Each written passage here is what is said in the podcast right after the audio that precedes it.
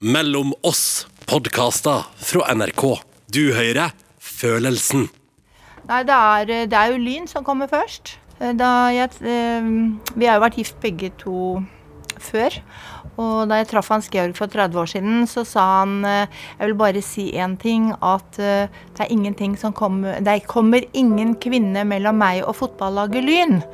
Og jeg forstår etter 30 år at Lyn er viktigere enn meg.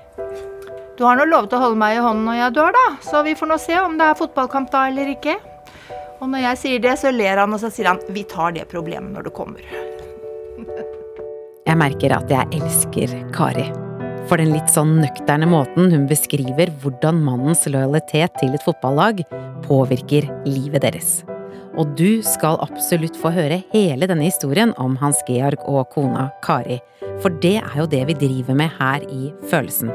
Vi prøver å bli litt klokere på alt det vi mennesker kan kjenne på, ved å høre hvordan det påvirker oss, og ikke minst så forskjellig det kan påvirke oss.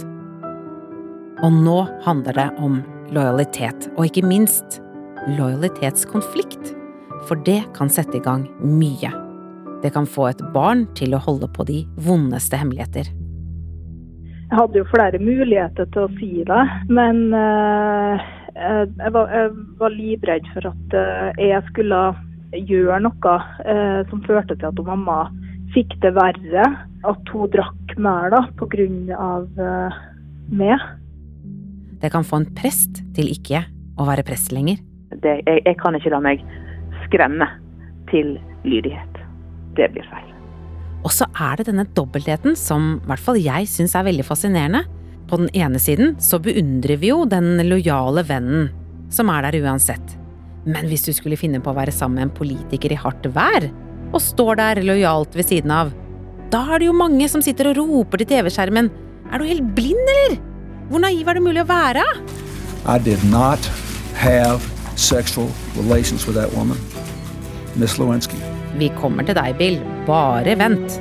Her i Norge så er jo ikke arketypen den lojale kona så vanlig. Selv om det var flere som klistra akkurat det begrepet til Haddy Njae da hun skrev bok om mediestormen mot ektemannen Trond Giske. På et tidspunkt så beskriver han som uutholdelig umoden. Mm. Hvorfor er Trond Giske uutholdelig umoden?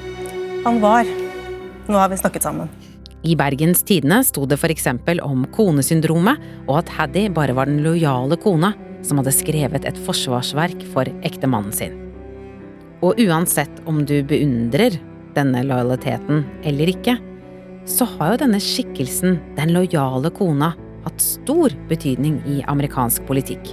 Og journalist Brita Møystad Engseth det er jo nesten sånn at det er forventa at når man gjør skandale, ja, da skal kvinne stå ved siden av på pressekonferanse i en sånn slags offentlig gapestokk. Amerikanerne er bisarre og gammeldagse og moralske på akkurat det, det, der. Og det virker som om da disse mennene, Spitzer, Clinton og alle de andre, at det, de kan redde seg ved å si jeg har gjort en feil, jeg må nå skape tillit hos min egen familie. Og det blir sånn Å ja, da går det nok bra. Og her snakker vi om et fenomen som har sin egen temasang.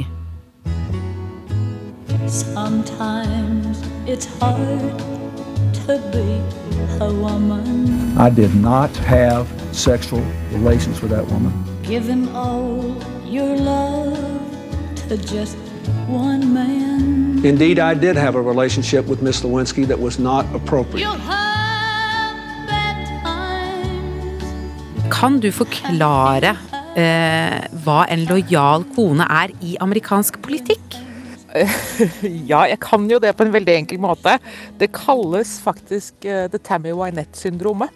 Og det er altså rett og slett Stand by your man låten til Tammy Wynette, som har gitt grunnlaget for denne svært manglende psykologiske uh, definisjonen. Journalist og USA-ekspert Brita Møystad Engseth forteller oss mer om dette ritualet som vi har sett mange ganger i amerikansk politikk. Den lojale kona, eller The Tammy Wynette Syndrome, som de også kaller det. Bill og Hillary måtte sitte i sofaen og si Eller han satt og sa 'Å, jeg har skadet menneskene jeg elsker'. Og alle bare visste at det, det er så grimt, det er så primitivt. Det, det er sæd på kjolen til Monica Lewinsky. Det er sånn øh! Enig. Det er jo litt In fact, it was wrong. I misled people, including even my wife. Det er lett for oss selvfølgelig å tenke hvorfor gikk ikke Hillary? Hvorfor satt hun der og holdt han i hånden? Eller uh, Silda Spitzer, da, da, Elliot Spitzer, som kanskje kunne blitt president, uh, ble tatt med en uh, skortepike. Men vi sitter jo på utsiden og sier ja, men de, altså, din nepe. Det der hadde jeg aldri tålt. Jeg hadde gått. Men jeg vet ikke. Hadde du? Hadde jeg? Hadde du? Jeg vet ikke. Når de er hjemme, forestill deg det, da. Uh, Hillary Bill en morgen. Ok, la oss forestille oss det. Bill og Hillary. Det er morgen. hun, er, hun, er, oppe. Kanskje, jeg vet ikke hva hun drikker. Kanskje hun drikker kaffe eller litt te. Nei, hun drikker te, tenker jeg nå. Ok, de drikker te. Og så kommer han dassende, og så snakker de litt om hvordan har du det, eller hva skjer, og så du det på TV i går, og Kanskje spør eh, Bill om hun vil ha en hjemmebakt kjeks til teen? I don't think so. Nei. Men så viser hun ham kanskje noen nye bukser hun kjøpte på tilbud i går? I think that would be a good look on you. I hope so. En helt vanlig morgenstund mellom to ektepar. Det er jo et helt liv. Mm. Er, man, man, reduseres jo ikke bare til den ene hendelsen, og det er jo ofte eh, noe av disse kvinnene har sagt. Eh, kona til eh, general Petraeus, eh, han ble også tatt med en annen kvinne. Uh, hun sa jo Men dette er jo ikke han. Han er ikke sånn. Og det er han vel antageligvis ikke, sammen med henne. Det er jo en person. Det er et menneske. Og disse kvinnene da, har jo investert uh, hele livet sitt, kanskje til og med hele karrieren sin, i denne mannen. Og er kanskje like ambisiøs. Uh, har ikke lyst til å miste posisjon. Ja, for, for det, det, det, lurer jeg på. Er det sånn uh, For at, sant, du sier hva, de dumme, de dumme nek, hvorfor går du ikke? Men, men hvordan blir egentlig liksom, dette fenomenet oppfattet i USA? I dag tror jeg vel kanskje at man heier mer på at hun skal gå enn at hun skal bli. Jeg tror hvis Hillary hadde sittet med Bill i dag, uh, og hun hadde gått, så hadde ingen brukt det mot henne senere. I dag så hadde hun kanskje gått. Men da, på 90-tallet, da ble hun. Og Brita Møystad Engseth er helt klar på at dette var med på å endre historien. Hvis f.eks. Hillary hadde gått fra bil, han hadde jo aldri blitt president uh, igjen. Det hadde vært skam og elende i, i, resten av hans tid. Altså hans arv som president hadde jo vært Vi hadde ledd fremdeles den dag i dag.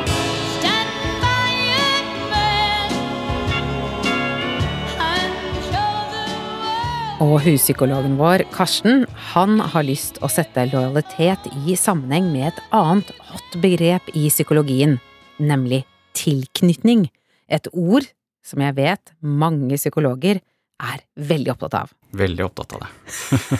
og det har jo vært veldig i vinden også, fordi vi vet at det er et reelt fenomen, og at det er veldig betydningsfullt for, for oss som mennesker. Og ikke bare som mennesker, dette er jo noe man også finner i i dyreverden. Karsten forteller om flere undersøkelser som er blitt gjort for å vise hvor viktig tilknytning er for oss. Og det er f.eks. For forsøk som viser at hvis noen i en gruppe bare har et snev av likhet med oss Vi er født omtrent ikke så langt fra hverandre, eller et eller annet sånt. Noe som er helt sånn tilfeldig sammenknytning. Ja, da liker vi dem automatisk bedre. Eller at vi til og med kan skade andre for å tekkes den som bestemmer til slutt så ender en, en, ganske høy andel med å gi det som begynner å bli farlige og til og med livstruende støt. Eller at det å søke trøst og omsorg, det trumfer alt. På 30-tallet forsket en amerikaner på små apunger som ble tatt fra mødrene sine. Og blant annet så eh, satte han dem i bur, eh, hvor de kunne velge mellom to slags apefigurer en stålfigur eh, som hadde øyne og ører og lignet sånn sett på en ape, eh, men var helt hard. Men denne apen hadde ga tilgang til, til mat til melk. Det var festet sånne melkeflasker på dem. Sånn at, for dette var helt nyfødte aper. Eh, og så var det en annen figur som hadde myk pels, men ellers så ganske lik ut. Eh, og så vil man undersøke hvor søker da disse nyfødte. Søker de til det stedet som gir dem næring og det de trenger biologisk for å overleve? Eller søker de også mot noe annet? Og de fant jo da, som forventet, eh, i og for seg, og det er ikke noe overraskende, at de eh, nesten utelukkende all tid tilbrakte sammen med denne myke eh, apemoren som ga lignet på den form for omsorg og pleie eh, som apen ville fått fra sin, fra sin, mor. Og så skvatt den bare over på, eh, på den andre apen eh, de gangene den var sulten, før den raskt gikk tilbake. Dette kan man søke opp på YouTube hvis man orker, for det er rett og slett ganske hjerteskjærende å se på. Denne type eksperimenter er jo ikke lov lenger, av hensyn til hvordan det gikk med disse apene, for det gikk jo svært dårlig. Eh, de fleste av dem døde i veldig tidlig alder, når de da var frarøvet biologisk kontakt med sitt opphav. Og det vet vi også er Det risikerer man også som, som menneske.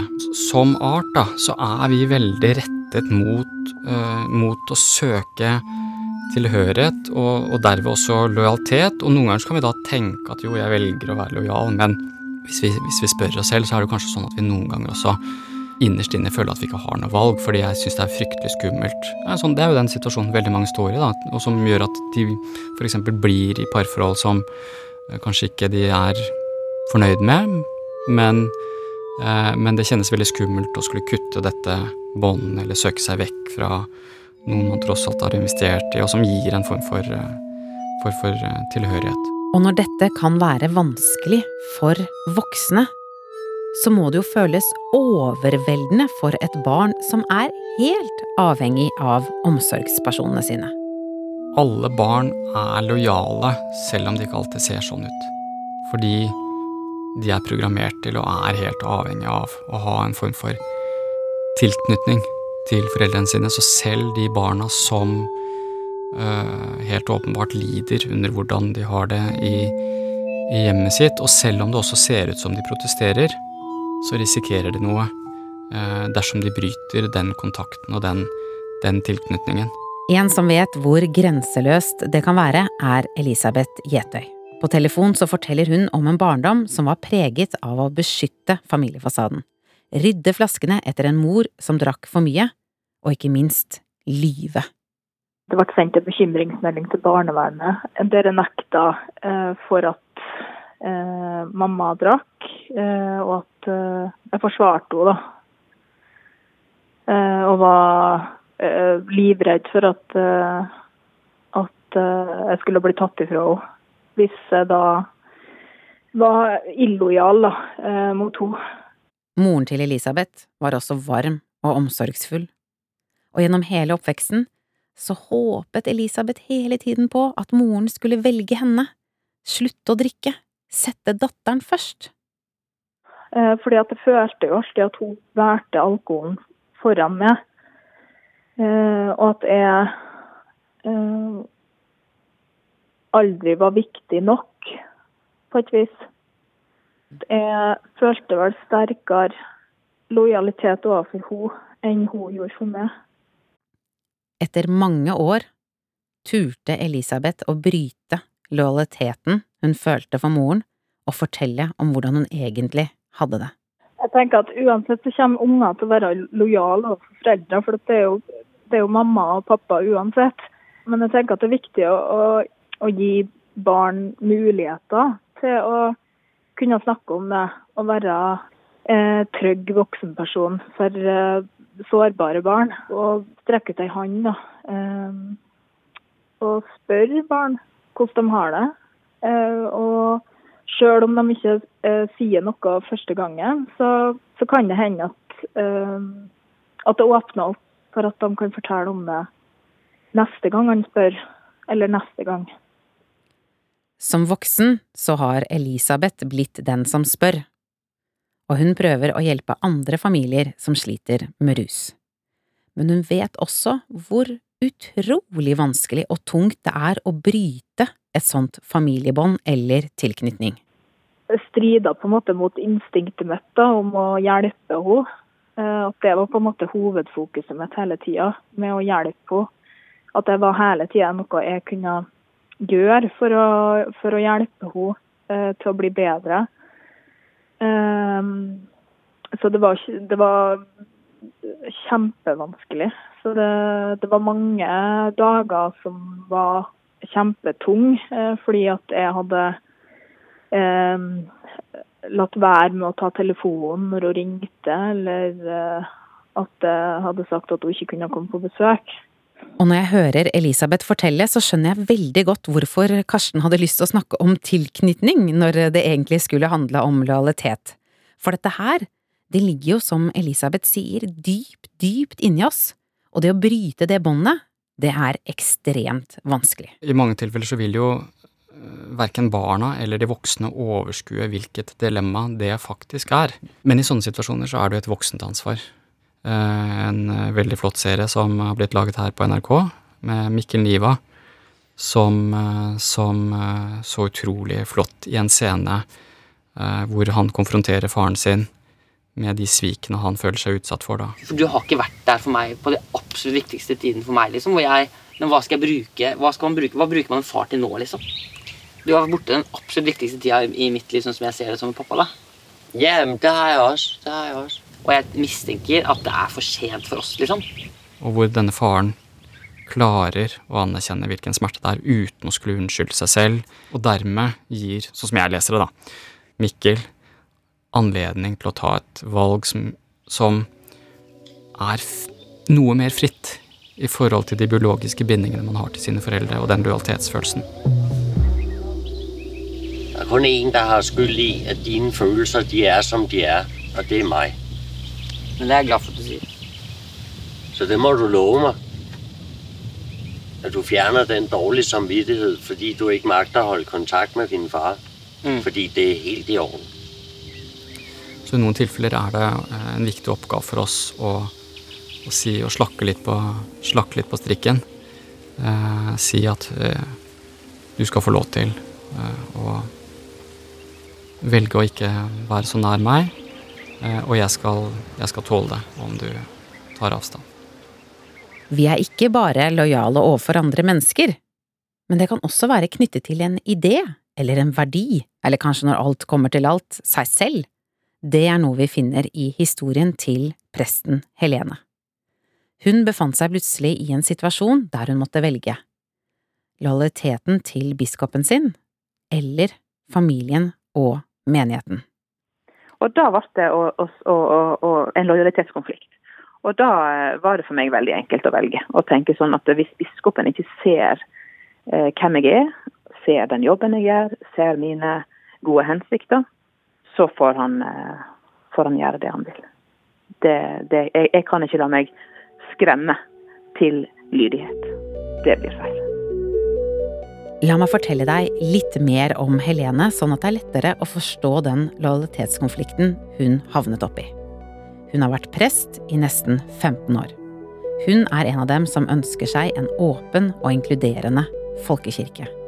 En som inviterer et sirkus inn i gudstjenesten, lar akrobater fylle kirkerommet, har med et levende, brekende lam inn i sakristiet, sier ja til å vie folk på en fjelltopp, så klart skal homofile få lov til å gifte seg i kirken, dekker opp til julebord med mat fra hele verden inne i kirka, arrangerer lysmesse der en skuespiller utkledd som Pippi forteller om inkludering og omsorg for folk du ikke kjenner. Og hvis hun har vært uenig med kirkeledelsen, og det har hun vært, flere ganger opp igjennom, da er hun en sånn type som tar frem kjærlighetsbudskapet til Jesus og sier sånne ting som det her. Jeg tror Jesus hadde forstått meg, for eksempel. Eh, det er jo en litt sånn banal måte å uttale seg på. Men da blir du møtt med litt sånn eh, litt uh, lite respekt tilbake igjen, da. Um, og, og, jeg tenker det, det, er, men det er så enkelt. Hvordan ville Jesus ha handla nå?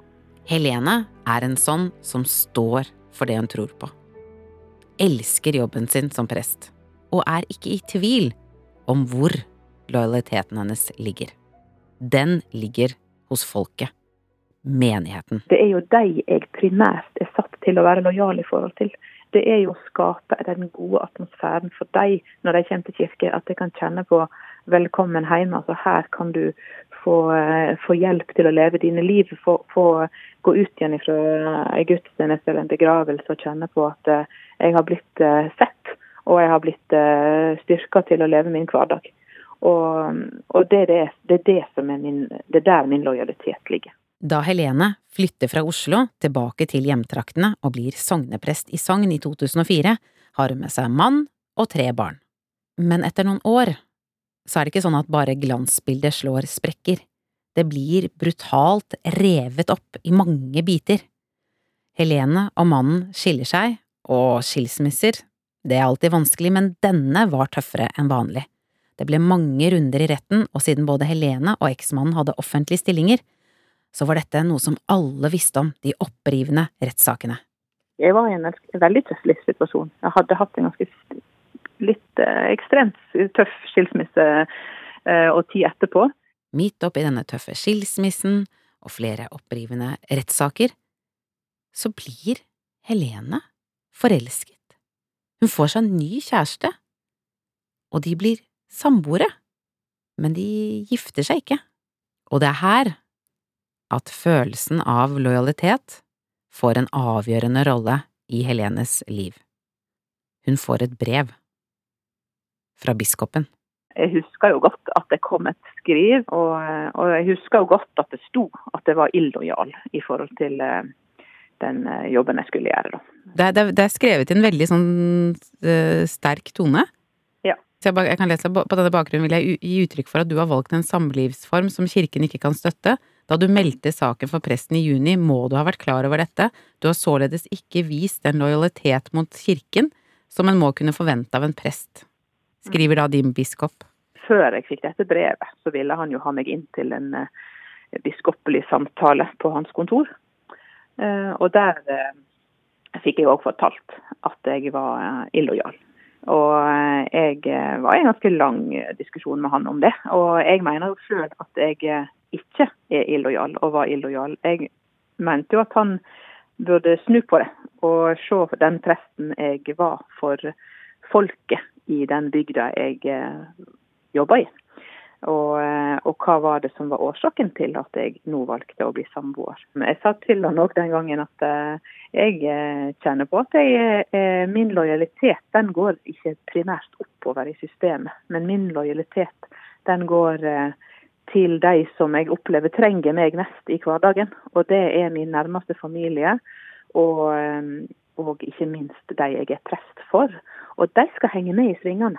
Jeg, sa, husker jeg sa at hvis jeg nå velger å skifte meg så raskt som du ønsker at jeg skal gjøre, så vil det oppleves uh, altså Mange vil stille spørsmålstegn og tenke nå, nå går hun litt fort fram. Eller nå, kanskje noen til og med har sagt at nei, nå har hun mista litt gangsynet Å få et sånt brev fra arbeidsgiveren sin, sitte i en sånn samtale Jeg vet ikke med deg, men jeg, altså jeg blir kvalm av tanken. For dette er jo ikke bare en vanlig sjef som sier sånn du er ikke lojal nok overfor Storebrand. For Helene så rammer jo dette hele troen hennes. Verdigrunnlaget. Det er Gud, Jesus og kirka som hun mangler lojalitet overfor. Og selv om du kanskje sånn som meg har tenkt at Helene, hun høres ut som en type med god selvtillit. Jeg, jeg kan ikke la meg skremme til lydighet. Det blir feil. Veldig sånn tydelig og sterk når hun prater. Jeg kunne ha, For min personlige del så kunne jeg ha gifta meg når biskopen hadde lyst til å gifte meg. Men det var i grunnen ikke meg det handla om, og i alle fall ikke biskopen, tenkte jeg. Og som står opp mot biskopen og sier sånn som dette. Har du fått noen klage på at jeg er samboer? Og det hadde han ikke. Har du fått noen klager, kanskje? Nei, tenkte ikke det, nei. Som prest så har Helene vært ute en vinternatt før mange faktisk, forsvart at hun vier homofile og lager ablegøyer og sirkus i kirka, men denne beskjeden om at hun ikke viser lojalitet, den er tung å høre. Jeg, jeg, jeg, er jo en ganske tøff person. Det tror jeg nok jeg har en ganske sterk uh, heldig som har en litt sånn uh, sterk uh, syke. da, Sånn at jeg lar meg jo ikke vippe av pinnen så veldig fort. Men jeg var jo fortvila. Altså, jeg grein jo etterpå. Eh, ikke først og fremst for min egen del, men eh, fordi at jeg opplever det vondt å ha å, å, arbeide i ei kirke med en arbeidsgiver som ikke ønsker å gå eh, litt flere skritt med meg før en eh, uttaler seg så krast. Har det ført til at du ser annerledes på eh, det å være lojal? Altså den følelsen? Jeg veit ikke om det har forandra mitt syn på lojalitet. For jeg kommer ikke til å, å jeg, jeg, hadde gjort dette opp igjen um, hvis jeg kommer kom igjen uh, på en ny korsvei. Det at noen stiller spørsmål ved lojaliteten din, det er virkelig ikke småsaker. Og det er så vanskelig for Helene at hun ikke kan være menighetsprest mer. Uh, jeg sjøl er ikke fristet i det hele tatt til å søke på, på jobb i Bjørgvin bispedømme. Og hun føler at akkurat det går begge veier, at de ikke vil ansette henne heller. Jeg har direkte sagt at jeg er usikker på om dere ønsker meg videre i prestetjeneste, og så blir det taust etterpå. Og da er det jo Tausheten taler vel for seg, fordi prestemangelen den snakker en jo om stadig vekk. Er du liksom sikker på at din, din tolkning, altså din, din gud det, det, Han er ikke enig med han biskopen? Nei, altså det er vi Jeg ser jo en gud som eh, ønsker at vi skal handle i kjærlighet. Og eh, da forventer jeg jo at uh, vi ser på hverandre med det samme blikket. Og uh, hvis biskopen hadde forstått at jeg handla i kjærlighet, så var det ikke så forferdelig farlig om jeg tok feil heller. Det er noe sterkt av meg å si dette jeg skal si nå, men, men jeg opplevde jo ikke at jeg ble møtt med omsorg og kjærlighet når jeg får et sånt skriv om at jeg er illojal. Det gjør jeg ikke. Så Helene velger bort kirken, og jobber nå som beredskapsmor, og hun elsker det. Og da kjente jeg på hvor godt det var å ha arbeidsgivere som, som, så meg, og som fortalte at jeg var god. Fordi jeg hadde ikke kjent på den følelsen å ha en arbeidsgiver som eh, sa at jeg var dyktig til det jeg holdt på med. Og selv om jeg vet at hovedfokuset er lojalitet, så lurer jeg likevel på om dette har gjort Helene litt bitter. Jeg er ikke så bitter. Jeg, ikke, jeg, tror ikke jeg er en person som har det med å bli så bitter. Jeg har hatt det veldig godt som prest. Og jeg ser mange flotte prester, og jeg ser òg mange flotte biskoper. Og jeg kan bruke min energi og min arbeidskraft andre plasser. Og så av og til så er jeg litt lei meg. Jeg tror ikke jeg er bitter, men jeg er litt lei meg av og til fordi at jeg eh, skulle ønske at eh, vi ble møtt annerledes. Og så kjenner jeg på at eh, når jeg ikke føler meg så velkommen alltid i kirka, som er prest, hvordan har ikke da folk flest det? Og det blir jeg lei meg for. Uh, og det er en uh, Ja, det, det syns jeg er tungt. Det syns jeg. Og hvis du lurer på hva biskopen mener, så har han valgt å svare skriftlig på tilsvaret sitt til Helenes historie, og han sier dette. Jeg mener at hun ble møtt og tatt på alvor med sitt syn i våre samtaler, men å bli møtt er ikke det samme som å bli enige. Den norske kirke har alltid ment at ekteskapet er den beste samlivsformen fordi det langt klarere enn samboskap inneholder en forpliktelse til trofasthet også i de vanskelige dagene. Et samlet bispemøte mente da også så sent som i 2017 at vi fortsatt forventer at prester, som særlig synlige ledere og forbilder i kirken, ordner sitt samliv i ekteskap. Dette har Helene vært kjent med hele tiden, men valgte likevel å handle imot det som var kirkens syn. Hun antyder til slutt at hun nå opplever at hun ikke er ønsket som prest i Bjørgvin. Jeg vet ikke hvor hun tar det fra.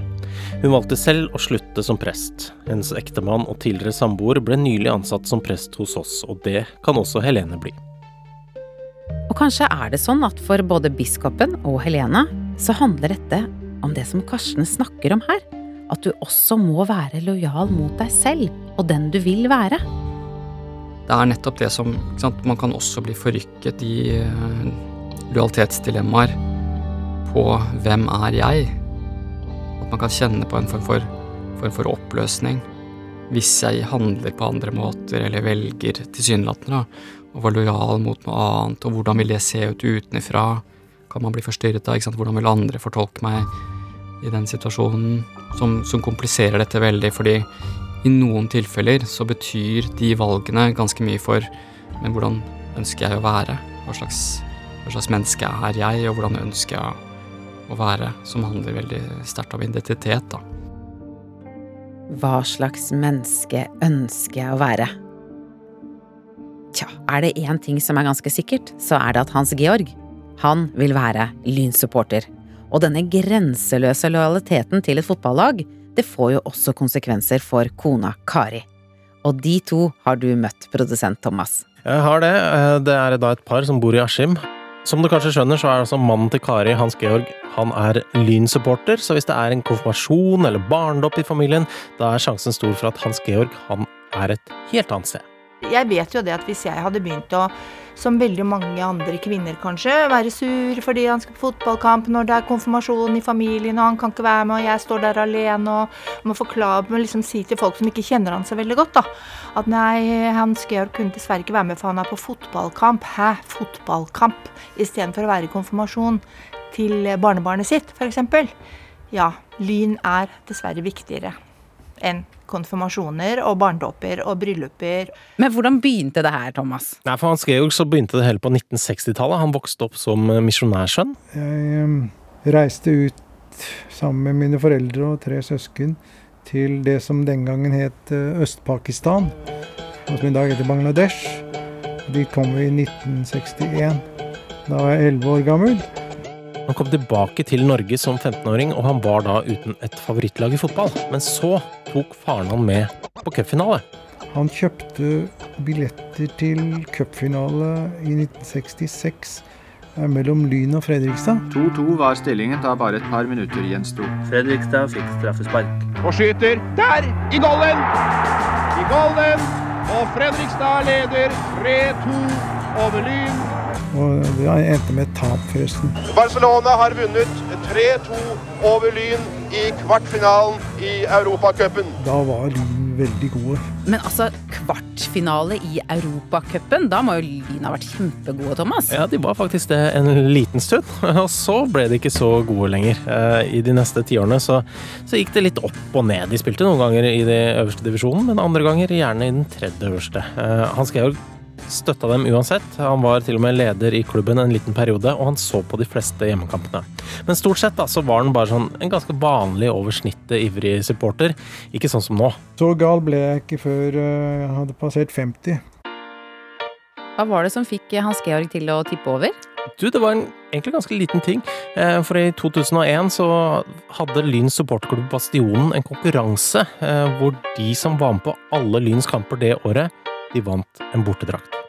Det var liksom det, det, det var litt sånn incitament for meg, da. Så, så jeg, jeg, jeg, begynte da i sesongen 2001 uh, for, å, for, å, prøve å klare dette her. Og det klarte jeg greit. Og så ballet dette på seg, da. Og så sa jeg, uh, sånn, så sa jeg det at uh, jeg skal holde på med det til enten til Lyn rykker ned, fra, og da var det jo Eliteserien, eller jeg dør.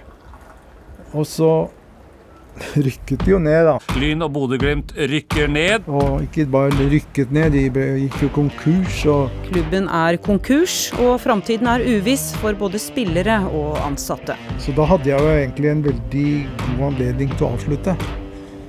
Men, eh, men det gjorde jeg ikke. Og jeg ble med helt ned i sjette divisjon.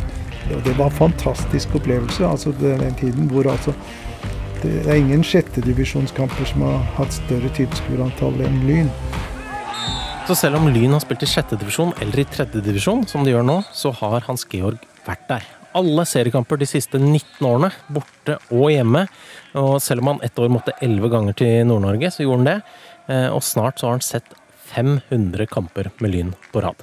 Forrige sesong sluttet på 487.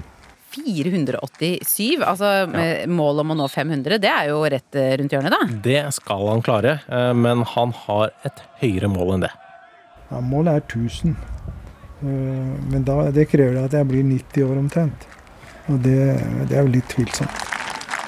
Så Hans Georg prioriterer Lyn, og har en forståelsesfull kone som tåler det. Ja.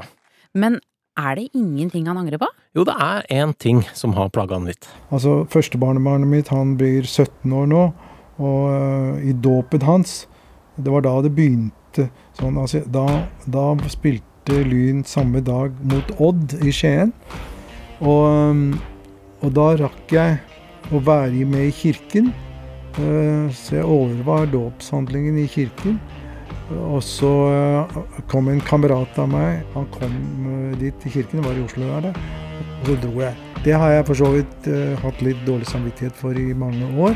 Og når folk hører det, så sier de at det er jo helt vilt sånn. Ja, og det er det. Og Hadde det ikke vært for korona, så hadde det blitt en kollisjon i år også, mellom en lynkamp og en konfirmasjon.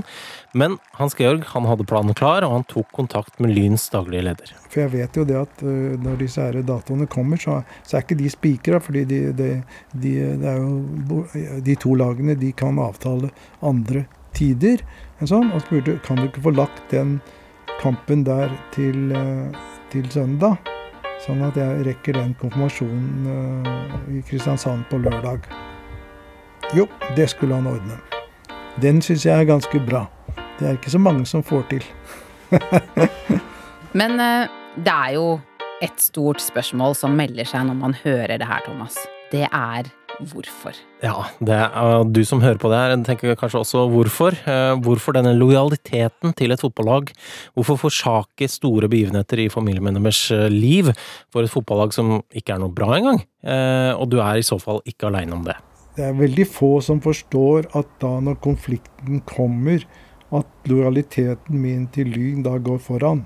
Jeg ser at det er litt uh, sært. Men Hans Georg han har selvsagt gjort seg opp noen tanker rundt det også. Men jeg tror vel at alle fleste, de fleste mennesker, nesten kanskje alle, har behov for uh, har behov for noe å, uh, som er litt større enn dem selv i denne verden. og da Så i mitt tilfelle så tror jeg da at, uh, at Lyn og fotballen er det høres kanskje litt dumt ut, og far ville vel snudd seg i graven, tenker jeg. Men altså, uh, for meg så er vel dette blir et slags substitutt. Religionssubstitutt. Først Lyn, så bikkja, så Aftenposten, og så meg. det var din prioritering. Ja. Nei da. I går ble du redd fordi at du trodde jeg var ja, med vill i skogen. Jeg hadde hatt borte ti minutter. Så det du kommer, da var jeg helt hysterisk. Som en rangering så kommer du som 1B. Da er Lyn 1A. Å oh, ja, ok. Ja, men det var hyggelig. det var hyggelig å høre. Nei, jeg vil ikke gjerne plassen for Lyn, jeg. Det er ikke noe problem. Ja, Men det sa jeg klart ifra for 30 år siden. Det, ja, ja, ja. Nei, det og det mente jeg. Det var ikke så lett å forstå, kanskje. Du er så heldig du, Hans Georg. Kari er uten tvil min absolutte favorittfotballfrue i hele verden. Og det å være noens 1B etter 30 år, det er jo litt vakkert. Men som Karsten har lært oss i dag, det å være lojal overfor noen, det er ikke alltid et valg. Det er et system som vi er primet mot, og skulle søke tilhørighet til andre veldig, veldig sterkt. Og at vi også i mange tilfeller er villige til å ofre ganske mye av oss selv for å få en form for tilhørighet.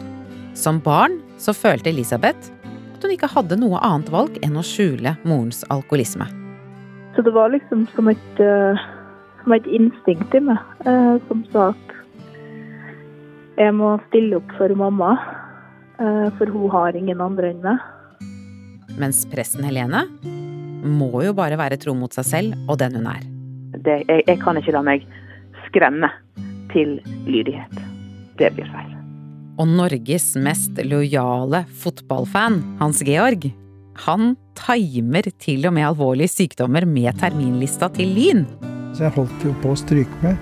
Hjerteinfarktet det fikk jeg jo i, i februar, og det er en veldig fin tid å få det på. Og det første han sa til kona Kari da han våknet opp på sykehuset den gangen i februar, det var ja, Det er visstnok da sagt Det var jo veldig fint at dette skjedde utenfor sesong. Det. Så når til og med kroppen er lojal og spiller på lag med Hans Georg, da tror jeg faktisk at han kommer til å nå målet sitt, jeg. Med å se 1000 kamper på rad.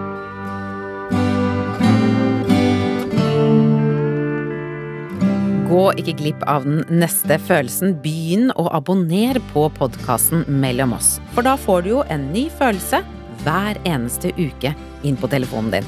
Akkurat neste gang så er jeg litt spent, for da skal det handle om det som jeg tror må være vår mest upopulære følelse. Det er nemlig utrolig få som tør å innrømme at jo, vet du hva, jeg er skikkelig bitter. Men jeg har funnet en, altså. Det er så lite stuerent. Altså at ingen tør å fortelle. Altså De heller liksom nesten sånn krampaktig eh, insisterer på at 'jeg er ikke bitter', 'jeg er ikke bitter'. Så jeg pleier å si at 'visst faen er jeg bitter'. Du har hørt en podkast fra NRK. Hør flere podkaster og din favorittkanal i appen NRK Radio.